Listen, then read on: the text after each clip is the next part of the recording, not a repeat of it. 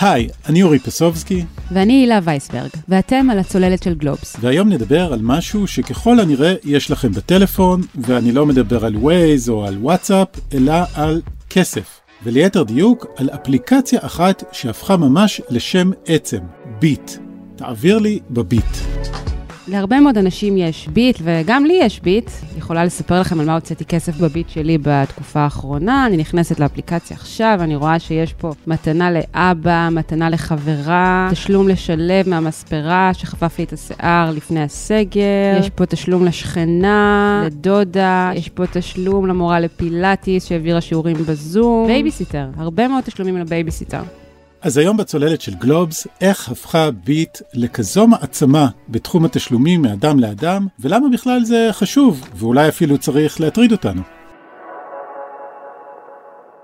הילה, את צלעת לסיפור הזה השבוע, והתחקיר המלא שערכת מופיע במגזין סוף השבוע של גלובס, G, ובאתר גלובס כמובן, ואת מדברת על ביט כמעצמה בתחום התשלומים. איך זה מתורגם למספרים, המעמד הזה? ביט ששייכת לבנק הפועלים שולטת היום בשוק ממש ללא עוררין, היא לא רואה את המתחרות שלה ממטר. לביט יש כיום יותר מחצי מיליון משתמשים בחודש, שזה כמעט פי שניים וחצי יותר מהבאה בתור בקטגוריה המתחרה של הפייבוקס, ששייכת אה, לבנק דיסקונט, ופיי, האפליקציה של בנק לאומי, מדשדשת מאחור עם כ-60 אלף משתמשים בלבד בחודש. אלה נתונים שנמסרו לנו בידי חברת סימילר ווב. הם מתייחסים למספר המשתמשים הממוצע בין ינואר לאוקטובר של שנת 2020, וגם למשתמשי אנדרואיד בלבד. ורק בתקופה הזו, ינואר עד אוקטובר 2020, ביט רשמה בסביבות 1.8 מיליון הורדות, פי שניים יותר מפייבוקס. מה לגבי נתח השוק שלה? אנחנו יודעים מהו? אז אנחנו לא יודעים בדיוק, אבל אנחנו יכולים להעריך. לפי פורום מחוללי התחרות, שזה פורום שהוקם לא מזמן כדי להיות קונטרה לאיגוד הבנקים, אנחנו מדברים על נתח שוק באמת משוגע, של אפילו 90 אחוזים. צריך להגיד שבפורום הזה נכללות uh, חברות כרטיסי האשראי החוץ-בנקאיות, ישראכרט ומקס. זה שוק התשלומים שהוא מאדם לאדם בסלולר, והשוק הזה מוערך בכ-12 עד 14 מיליארד שקל בשנה. בביט, לעומת זאת, אומרים שהנתח שוק שלהם הוא יותר קטן, והוא רק 60 אחוזים. יותר קטן ועדיין גבוה מאוד. וואו, אז איך מסבירים את ההצלחה הזאת של ביט? אז קודם כל, ביט הייתה הראשונה. היא הושקעה ב-2016 וכל שאר האפליקציות הגיעו אחריה. הייתה לזה חשיבות גדולה, כי ביט צמחה מאוד בזכות אפקט הרשת, או הדדיות. שזה אומר שכדי שאני אוכל לשלם לך בביט, אתה גם חייב ביט. כן, אפקט הרשת אה, זה משהו שאנחנו מכירים גם מרשתות כמו פייסבוק או וואטסאפ. אנחנו רוצים להיות איפה שהחברים שלנו נמצאים, וככה הרשת רק הולכת וגדלה. בדיוק, והאמת שניסיתי להיזכר השבוע מתי הורדתי את האפליקציה הזו לראשונה, ונזכרתי שזה היה בקיץ 2019. הבן הגדול שלי, דניאל, היה אז בן שלוש בערך, הוא בדיוק סיים את הגן, ורצינו לקנות מתנה משותפת לגננת משלוש אמהות. אז אחת האמהות אמרה לי, תורידי ביט, וככה תחזירי לי את הכסף על המתנה. זהו, השאר היסטוריה. גם אני, כמו הרבה מאוד אנשים, התמכרתי לאפליקציה הזו, אני משלמת איתה איפה שרק אפשר. לבייביסיטריות למשל, זה באמת הרבה יותר פשוט מאשר לפשפש בארנק ולחפש מזומן. ביט היא הצלחה גדולה, והאמת שכמשתמש, אני חייב להגיד שזה אכן אפליקציה נוחה, מאוד שימושית, וכנראה שהפועלים גם מאוד הצליח במהלכי השיווק והמיתוג שלה, והוא פנה לקהל צעיר שעושה הכל בטלפון. מה רע? אתה צודק, שאלה מצוינת, לכאורה מה הבעיה? אגב, זה גם מה שבנק הפועלים אמר לנו בתגובה לכתבה.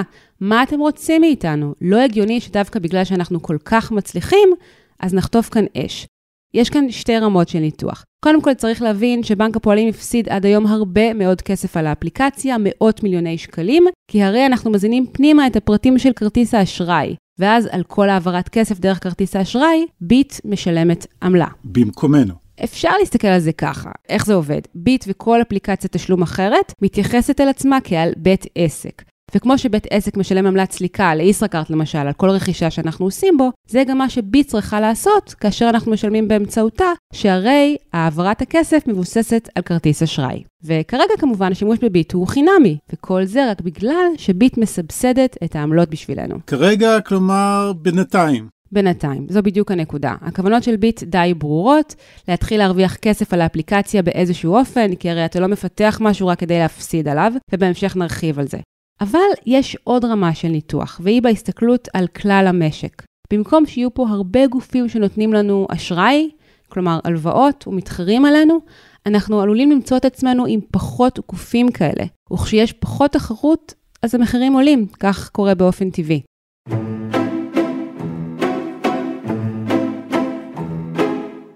אולי לפני שנעבור לדבר על המהלכים הבאים שביט מתכננת, כדאי לעצור שנייה ולדבר על כל הרקע לסיפור הזה, כי בשנים האחרונות כן היה מהלך, אפילו מהלך מאוד מתוקשר, שהמטרה שלו הייתה להגביר את התחרות בשוק הבנקאות. נכון, בשביל זה צריך לחזור רגע ל-2015. משה כחלון, האיש ורפורמת הסלולר, חוזר אל הבמה. הפעם כשר האוצר. תארו לעצמכם, כשנעשה את הרפורמה בבנקים, מה יהיה? 8 מיליארד, זה כפול מהסלולר.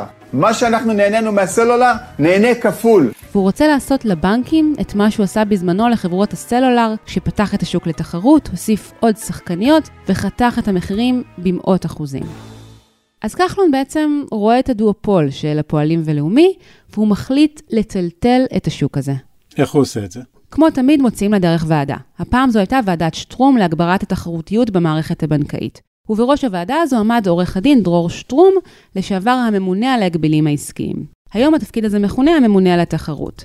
ושטרום לקח את התפקיד הזה בשתי ידיים. יחד איתו בוועדה היו נציגים ממשרד האוצר ומבנק ישראל, והיה גם נציג ציבור.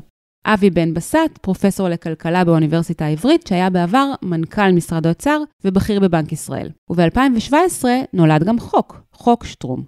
אז מה בעצם היו המסקנות של הוועדה והרעיון הכללי שעמד בבסיסו של החוק הזה, חוק שטרום? אז המטרה המרכזית של הוועדה הייתה להכניס עוד שחקנים לשוק נותני האשראי בישראל, כי כידוע עוד שחקנים, עוד תחרות משמעותם שהמחירים יורדים. הכוונה הייתה שנקבל הלוואות טובות יותר, שנקבל מוצרים מתקדמים יותר. היא רצתה שהחדשנות בעולם התשלומים תגדל, שסוף סוף יהיה פה גם מעין זאפ פיננסי, שדרכו נוכל להשוות uh, בין מחירים של מוצרים פיננסיים. זה אגב עוד לא ממש קרה, אבל אולי עוד יקרה. שטרום, אנשי האוצר ובן בסט דיברו על הפרדת כל חברות כרטיסי האשראי שהיו אז בבעלות הבנקים, משלושת הבנקים הגדולים, פועלים, לאומי ודיסקונט.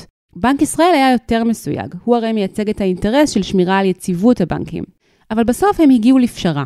ישראכרט תופרד מהפועלים, לאומי קארד, היום מקס מלאומי, וקל תישאר בינתיים בבעלות דיסקונט והבנק הבינלאומי. למה בעצם צריך להפריד את חברות כרטיסי האשראי מהבנקים? כי אם חברות כרטיסי האשראי המופרדות יתחילו לחזר אחרינו כלקוחות, להציע עוד הלוואות, עוד שירותים, אז התחרותיות במשק תגבר. אנחנו כצרכנים נרוויח מזה. זה יקרה אפילו אם לא נראה כאן עוד בנקים. אנחנו עוד לא שם, והריביות שמציעות חברות כרטיסי אשראי עדיין בממוצע יותר גבוהות בהשוואה לבנקים, אבל מתחילים לראות סנוניות של זה. וגם בסוף השנה אמור, כן, לקום עוד בנק חדש בישראל, הבנק הדיגיטלי של פרופסור אמנון שעשוע, ממייסדי מובילאיי. אז בואו נשמע רגע את דרור שטרום מדבר על הרציונל של הרפורמה ועל החשש שלו מכך שבעצם הכוח העולה של ביט חותר תחתיה. שוחחתי איתו בסוף השבוע שעבר. מה שקורה כאן זה שבנק הפועלים מרחיב לגמרי את בסיס כרטיסי האשראי שלו, והוא בהחלט הולך להשתלט על השוק הזה, ואם חשבנו שחברות כרטיסי האשראי, שהיום אנחנו רואים כבר שלטים על האוטובוסים, אחוז אחד פחות מהבנקים הלוואות, לא נראה את זה. אם אנחנו חושבים שחברות כרטיסי אשראי עכשיו בצמצום מסגרות, תפתחי את האתר של מקס, הוא אומר לך, צמצמו לך את המסגרת, בואי אליי, תקבלי תנאים טובים יותר, לא נראה את זה. אם אנחנו רוצים לתמרץ עוד גורמים להיכנס לשווקים האלה ולהתחרות בבנקים, לא נראה את זה, כי בנק הפועלים הופך להיות הגורילה שבעצם אף אחד לא מסתבך איתה. אז כמובן, המחשבה של הוגי החוק הייתה שהבנקים צריכים לצמצם מאוד את הפעילות שלהם בכרטיסי אשראי, בטח לא להרחיב אותה, אולי אפילו לבטל אותה לגמרי. וכל זה כדי לתת מה שנקרא הגנת ינוקה לחברות כרטיסי אשראי המתחרות החדשות בשוק למשך חמש שנים מההפרדה. אבל הבנקים אמרו, רגע, רגע, מה לגבי הלקוחות שממש, אבל ממש רוצים את הכרטיסים שלנו, של הבנק, מה שנקרא כרטיסי אשראי בנקאיים? אז בוועדה אמרו, בסדר, אתם יכולים להנפיק רק כרטיסים בנקאיים. כלומר, כרטיס שהבנק מנפיק ומי שמפעיל אותו הוא עדיין חברת כרטיסי אשראי. בעיקר בשביל לקוחות שרוצים לחדש כרטיס. תזכור את זה, זו הייתה כוונת הוועדה, אבל החוק עצמו לא אומר את כל זה בצורה מאוד ברורה. אוקיי, היה את המהלך הזה של ועדת שטרום והפרדת חברות כרטיסי האשראי מהבנקים. איך הסיפור של האפליקציות כמו ביט קשור לכל הרפורמה הזאת? דרור שטרום חושב שכבר בתקופה של דיוני הוועדה וחקיקת החוק, הבנקים חיפשו דרך לעקוף את ההפרדה הזו מחברות כרטיסי אשראי, שהיו בשבילן פרות מזומנים לא מבוטלות, עם רווחים של מאות מיליוני שקלים בשנה. עכשיו, הבנקים הגדולים ראו שמפרידים, שמה שנקרא, מה שפעם היה איזה חלום בלהות שלהם, הולך וקורה באמת, ושמפרידים להם את חברות כרטיסי האשראי, והתחילו כבר להיערך עוד לפני תום החקיקה לכך שהם ישיקו את אותן אפליקציות שבעצם תהיינה תחליף לחברות כרטיסי האשראי האלה. זה לדעתי מלכתחילה היה תכנון בוודאי של בנק הפועלים. הוא טוען בעצם שהם חיפשו מסלול שעוקף את הרפורמה שלו דרך אפליקציות תשלום, כלומר לדעתו הם כבר תכננו צעד אחד הלאה כמו בשחמט. כן, זה מה שהוא חושב, אבל תכלס כל עוד אפליקציות התשלום התעסקו רק בלשלם לחבר או למאמן הכושר, לא הייתה בעיה. הבעיה הגיעה ממש בחודשים האחרונים. זה קרה אחרי שביט, שצברה כבר לפי מה שהיא מספרת, יותר משני מיליון משתמשים, החלה להיכנס לתחום חדש. ארנק דיגיטלי וכרטיס אשראי משלה, ביט קארד. אז מה בעצם קרה פה בחודשים האחרונים? מה שקרה הוא שנכנסה לכאן טכנולוגיה חדשה של תשלומים בבתי עסק שנקראת EMV. מעבר לזה שהיא מאפשרת תשלום מאובטח יותר בכרטיס אשראי, היא עושה עוד משהו, וזה משהו מגניב. אתה יכול לשלם בטאפ, כלומר ממש בלי מגע בקופה, עם כרטיס האשראי ואפילו באמצעות הטלפון. מה שנקרא ארנק דיגיטלי? כן, כן, בדיוק. אז חברות כרטיסי אשראי, ישראכרט, מקס וקל פיתחו אפליקציות לארנק דיגיטלי. זה אומר שאם יש לך למשל כרטיס אשראי של קל, למשל זה הכרטיס שלי יש, אז אני יכולה לשלם בקופה רק עם האפליקציה של קל. אוקיי, okay, איפה הבנקים בסיפור הזה? אז ככה, אז גם הפועלים וגם לאומי פיתחו ארנקים דיגיטליים, כשהארנק של בנק הפועלים, כמה לא מפתיע, מתבסס על ביט. רגע, כיום אני יכול להשתמש בביט גם אם אני לא לקוח של בנק הפועלים ואין לי כרטיס אשראי של בנק הפועלים, נכון? נכון מאוד, לכן בנק הפועלים היו רוצים לאפשר למשתמשי הארנק הדיגיטלי של ביט להטעין כל כרטיס אשראי פנימה, כי הרי להרבה מאוד לקוחות, משתמשים שלהם, 70 אחוז, אין בכלל כרטיס אשראי של בנק הפועלים. אבל זה משהו שחברות כרטיסי אשראי מקס וישראכרט לא מוכנות לו. הן היו רוצות שתשתמש בארנק שלהן.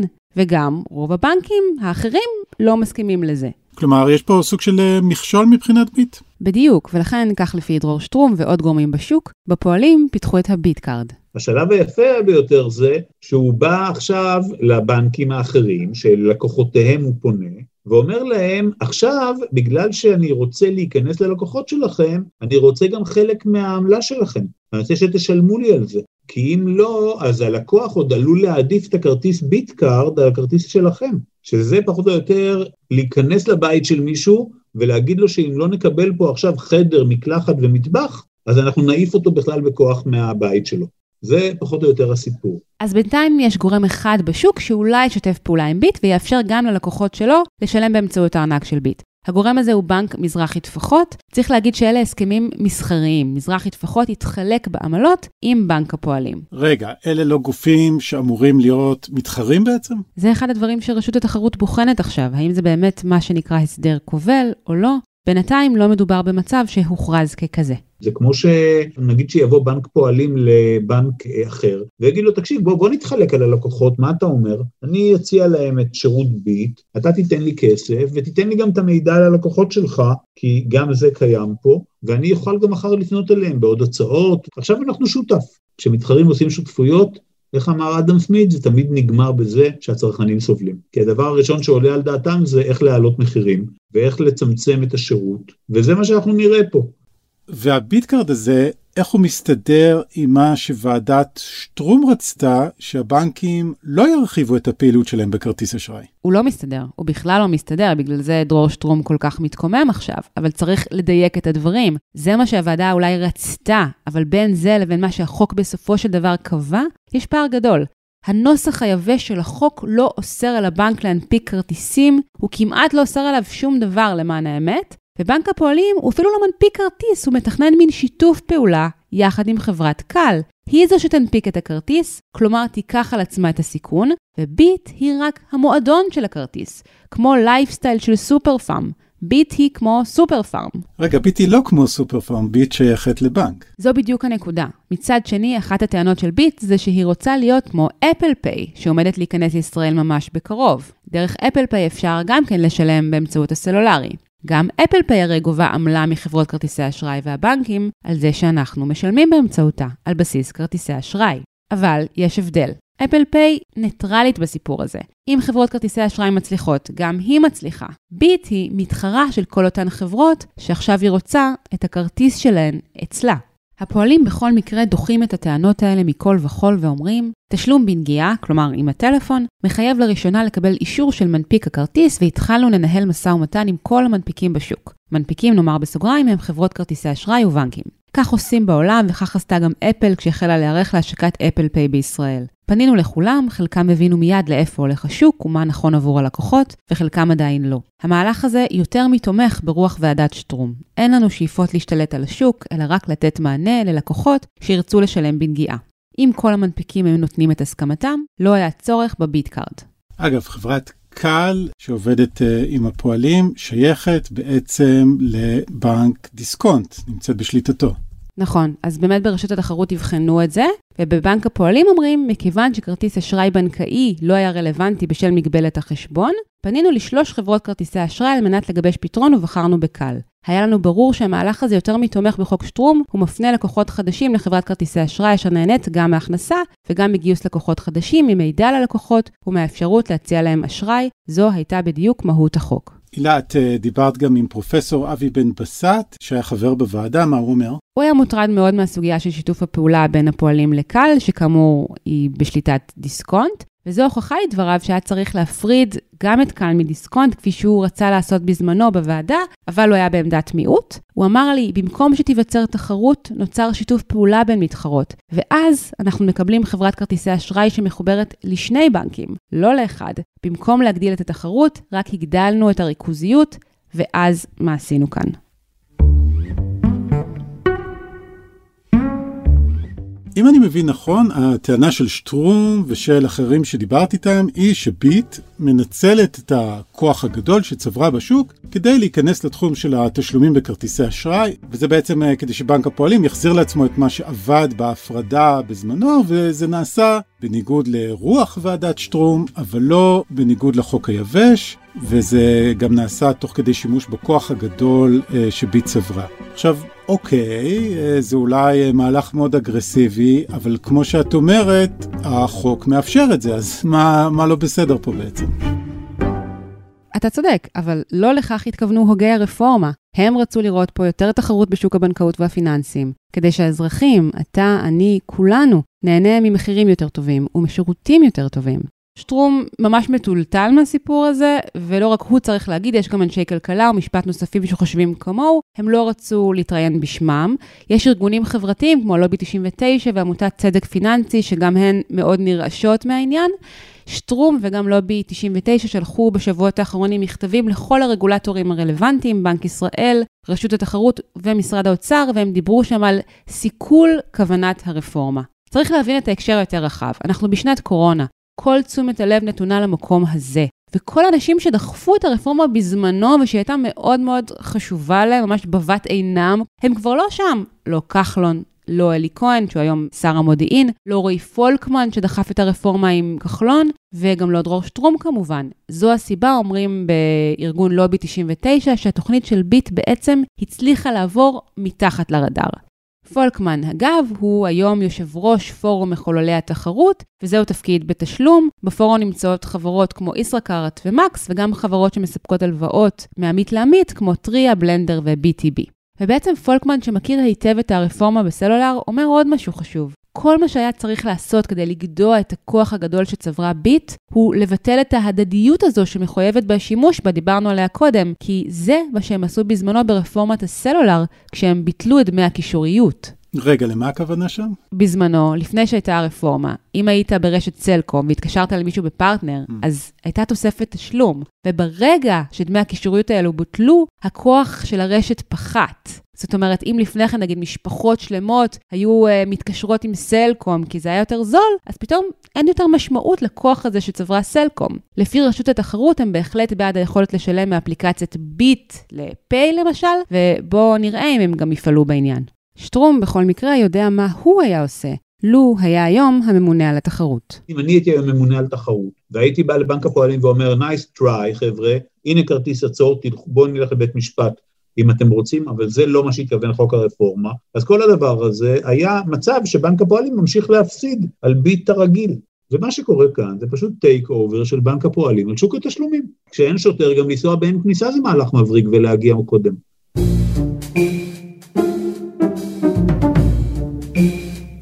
הילה, אני חייב אה, להגיד שיש פה משהו שאני לא כל כך מבין. בנק הפועלים אומרים שהם פועלים כחוק, ושטרום וכל השאר אומרים, אה, נכון, אולי אתם פועלים לפי החוק, אבל זו לא הייתה הכוונה שלנו בוועדה, זה לא הייתה רוח רפורמת שטרום. אבל אם זו הייתה הכוונה שלכם, אז למה לא הכנסתם את זה לחוק? מה אתם רוצים עכשיו? עשיתם ועדה, נחקק חוק, עכשיו אתם מתלוננים שהתוצאות זה לא מה שהתכוונתם ולא מה שרציתם? יש קודם כל פער בין מי שנמצא בוועדה לבין מי שמחוקק את החוק, אלה לא אותם אנשים. Mm. שטרום ובן בסט מדברים על זה, הם אומרים שייתכן והחוק היה צריך להיות מנוסח בצורה יותר טובה, אבל אני חושבת שהם גם לא תיארו לעצמם שאפליקציות התשלום, ובמיוחד ביט, תצליח לצבור כל כך הרבה כוח, ושזה יעבור בצורה כל כך חלקה, כלומר, כל ההתקדמות שלהם בתקופה האחרונה מבחינת הפיתוח של הארנק הדיגיטלי, מבלי שהרגולטורים יתערבו. אבל אתה צודק, חוק זה חוק, בנק הפועלים, גם הוא יודע לקרוא את החוק. ומה אומרים uh, הרגולטורים? אז בבנק ישראל אומרים שהם מכירים את הנושא, הם בוחנים אותו, הם לא מקלים בו ראש. ושוחחתי גם עם מיכל אלפרין, הממונה על התחרות. היא טוענת שהתמונה מורכבת יותר, ויכול להיות שמה שאנחנו רואים עכשיו, זו בסך הכל תחרות. מה שבנק הפועלים עושה פה באמצעות ביט, זה איזשהו ניסיון לתת מיני שירות בנקאי, או סוג של שירות בנקאי של מתן הלוואות ומתן שירותי תשלום, לגופים שהם לא לקוחות שלו. עכשיו, במשך 20 שנה, 30 שנה, המערכת הבנקאית יושבת בסטגנציה. אין תחרות בשוק הבנקאות. ושהבנקים נוח להם והם עצלנים והם יושבים על הלקוחות שלהם, הם לא חוששים שלקוחות יעזבו אותם מצד אחד, והם גם לא יותר מדי מתאמצים לגייס לקוחות של אחרים, וככה התחרות קפאה בשוק הבנקאות. מה שאנחנו רואים פה שבנק הפועלים עושה, זה מציע שירותים ללקוחות שהם לא מחזיקים חשבון אצלו. צריך גם לדעת שיש פה פעם ראשונה התחלה של תנועה של תחרות של הבנקים. מה שאני חושבת שאנחנו רואים כרגע, זה שהאדמה מתחילה לראות בשוק הבנקאות, בפעם הראשונה אחרי המון שנים, והבנקים מחפשים לעצמם מודלים חדשים, שבהם הם יוכלו להתחרות בעולם החדש של הבנקאות. ושאלתי אותה גם בנוגע להסדרים כובלים לכאורה. קודם כל אני רוצה להיות זהירה ולהגיד, אני לא רוצה עדיין לקרוא להם הסדרים כובלים. אנחנו כן קיבלנו תלונות גם על ההסכם שבין בנק הפועלים לבין בנק מזרחי וגם על ההסכם שבין בנק הפועלים לבין קהל. אנחנו אה, ביקשנו לקבל את ההסכמים האלה, ואנחנו בודקים אותם. בשורה התחתונה הלפרין אומרת, נבדוק אם אנחנו רואים פה מודל, כמו במקרה פייסבוק או גוגל, של The winner takes it all, כשבעצם כולם מתקבצים לרשת אחת, וזו בעיה בגלל הכוח הרב שהיא צוברת, או שיש פה מצב של מולטי הומינג, שבו אדם אחד משתמש בכמה אפליקציות, וכן, הוא יכול לבחור ביניהן וגם קל לו לבחור ביניהן.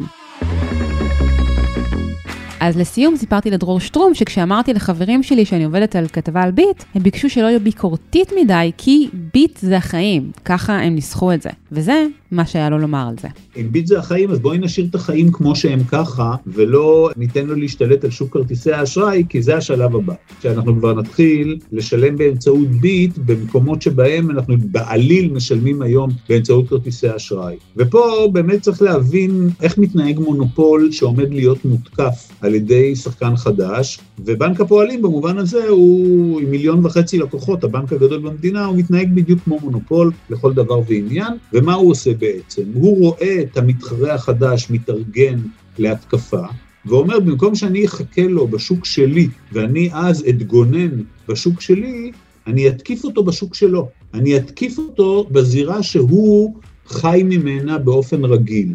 עוד אנחנו נסתכל ממרחק של שנים בכמה שנות ביט האלה שכולם אמרו ביט זה החיים שלי ונצחק על עצמנו איך לא הבנו את התוכנית.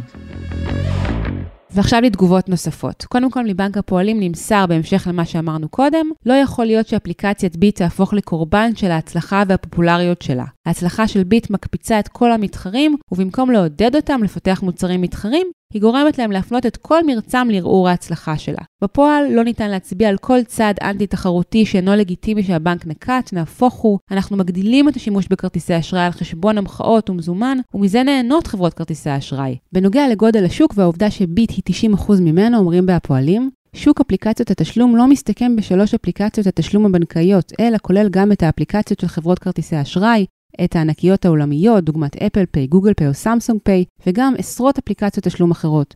מי שטוען שיש לביט 90% נתח שוק, טועה מאוד. שוק התשלומים שבו אנחנו פועלים הוא שוק ענק שהיקפו מעל טריליון שקל בשנה, והוא כולל כמובן את שוק כרטיסי האשראי, אבל גם את העברות מחשבון לחשבון, צ'קים ומזומן. כמו כן, הם מוסיפים, באפליקציה לא מבוצעת כלל פעילות סליקה, וכל הפעילות מבוססת על תשתיות של חברות כרטיסי האשראי. מבנק ישראל נמסר, בנק ישראל בוחן באופן שוטף את ההתפתחויות בשוק ואת שירותי התשלום המוצעים בידי גופים המפוקחים על ידו. כך נעשה גם בנוגע לסוגיה הנ"ל, בנק ישראל פועל לקדם את שוק התשלומים בישראל על מנת להבטיח שירותי תשלום ברמה גבוהה, להסיר חסמי כניסה, וזאת כדי ששחקנים חדשים ייקחו חלק בשוק התשלומים המקומי, וכדי ליצור את התשתית שעליה תוכל להתפתח חדשנות בתחום זה. בין היתר, בנק ישראל מוביל מהלך של הסבת כל מסופי התשלומים בבתי עסק במדינה לטכנולוגיות מתקדמות. טכנולוגיה זו מאפשרת לשחקנים חדשים להיכנס לתחום בישראל, וללקוחות לשלם במסוף דרך הנייד, תוך חוויית תשלום חדשה ומתקדמת שישראל לא הכירה עד לאחרונה. ממשרד האוצר מסרו שהם בוחנים את הנושא. עד כאן עוד פרק של הצוללת. אתם יכולים לעקוב אחרינו באתר גלובס, בספוטיפיי או בכל מקום שאתם מאזינים בו לפודקאסטים.